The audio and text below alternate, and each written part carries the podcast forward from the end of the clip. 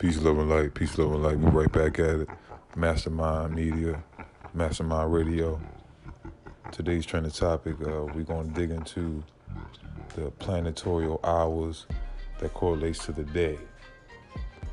Now, first thing for sure, two things for certain is every day is correlated to a specific planet, and every hour is also correlated to a specific planet.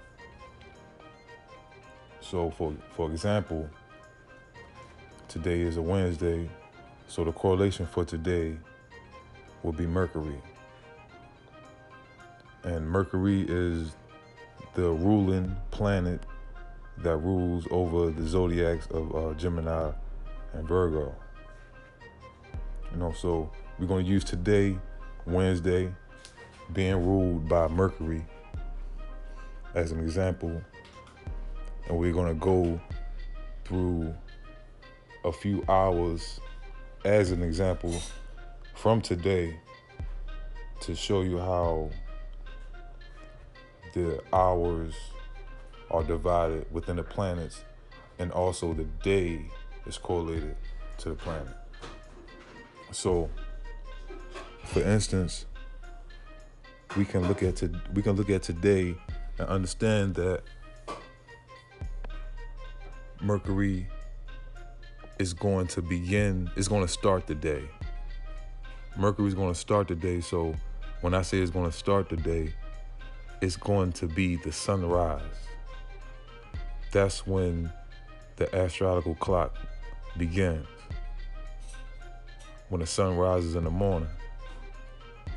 So this morning, the sun rose at about 6:10.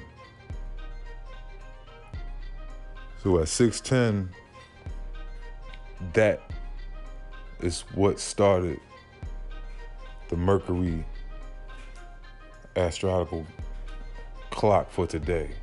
Was when the sun had set this morning at 6 a.m. We're just gonna say 6 a.m. So, with that being said, after a certain time period, the next planet will come and do its due, dil- due diligence. For example, after the Mercury hour, we will go right into the hour of the moon. And the hour of the moon will be correlated to moon type of activities. And moon type of activities is always correlated to cancer type of activities. And cancer type of activities will always consist of cooking, of gardening, of nurturing, of in, in, intuitive of family life. You know? So we, we always want to understand that when we're in that moon hour, we want to represent the moon aspects to our best abilities. So moving on to the next hour. So following the moon hour, we will go right into the Saturn out. And now what does Saturn, what does Saturn represent? Saturn is a very strict planet. Strict.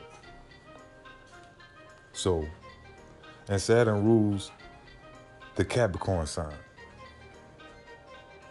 Saturn is all about getting the job done work related, career related, career, you know, business like, ambitious. You know?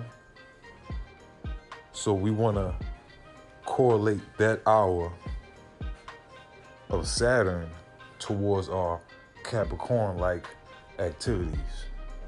Like I said, that that that's mostly of your your your, your social status, your your business, your, your career, your responsibilities.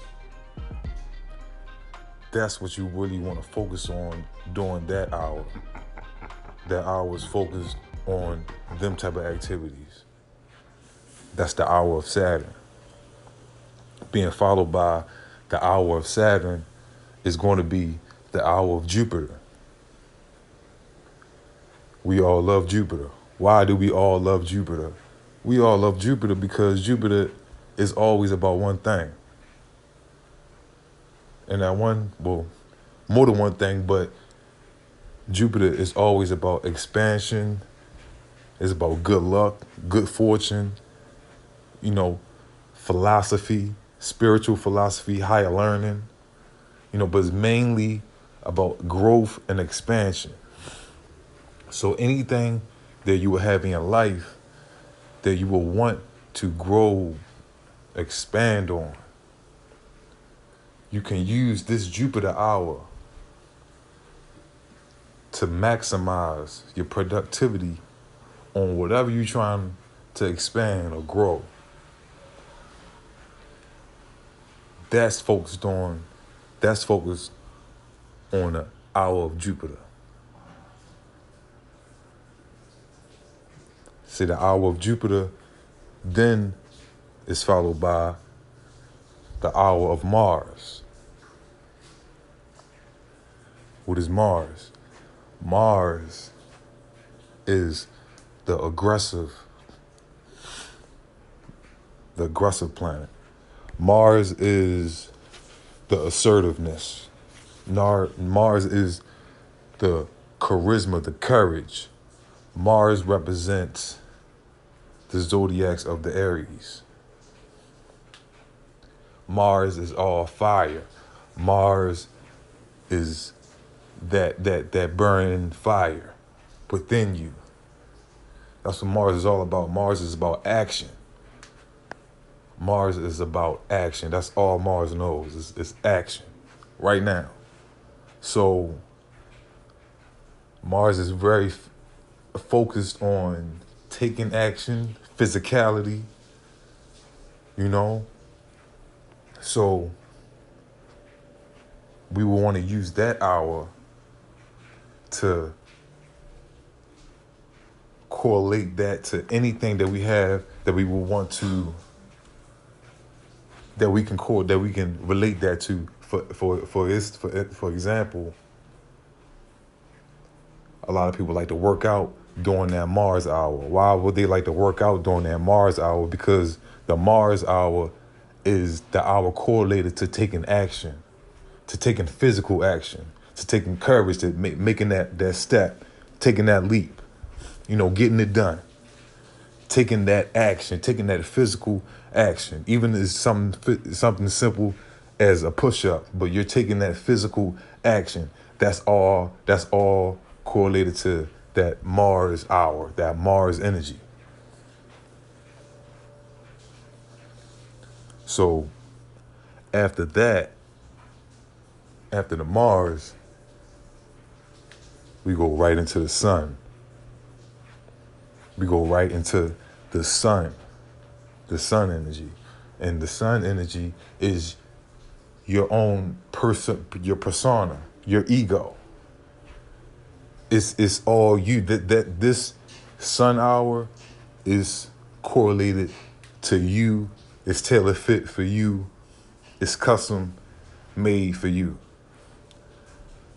One size fits all for you.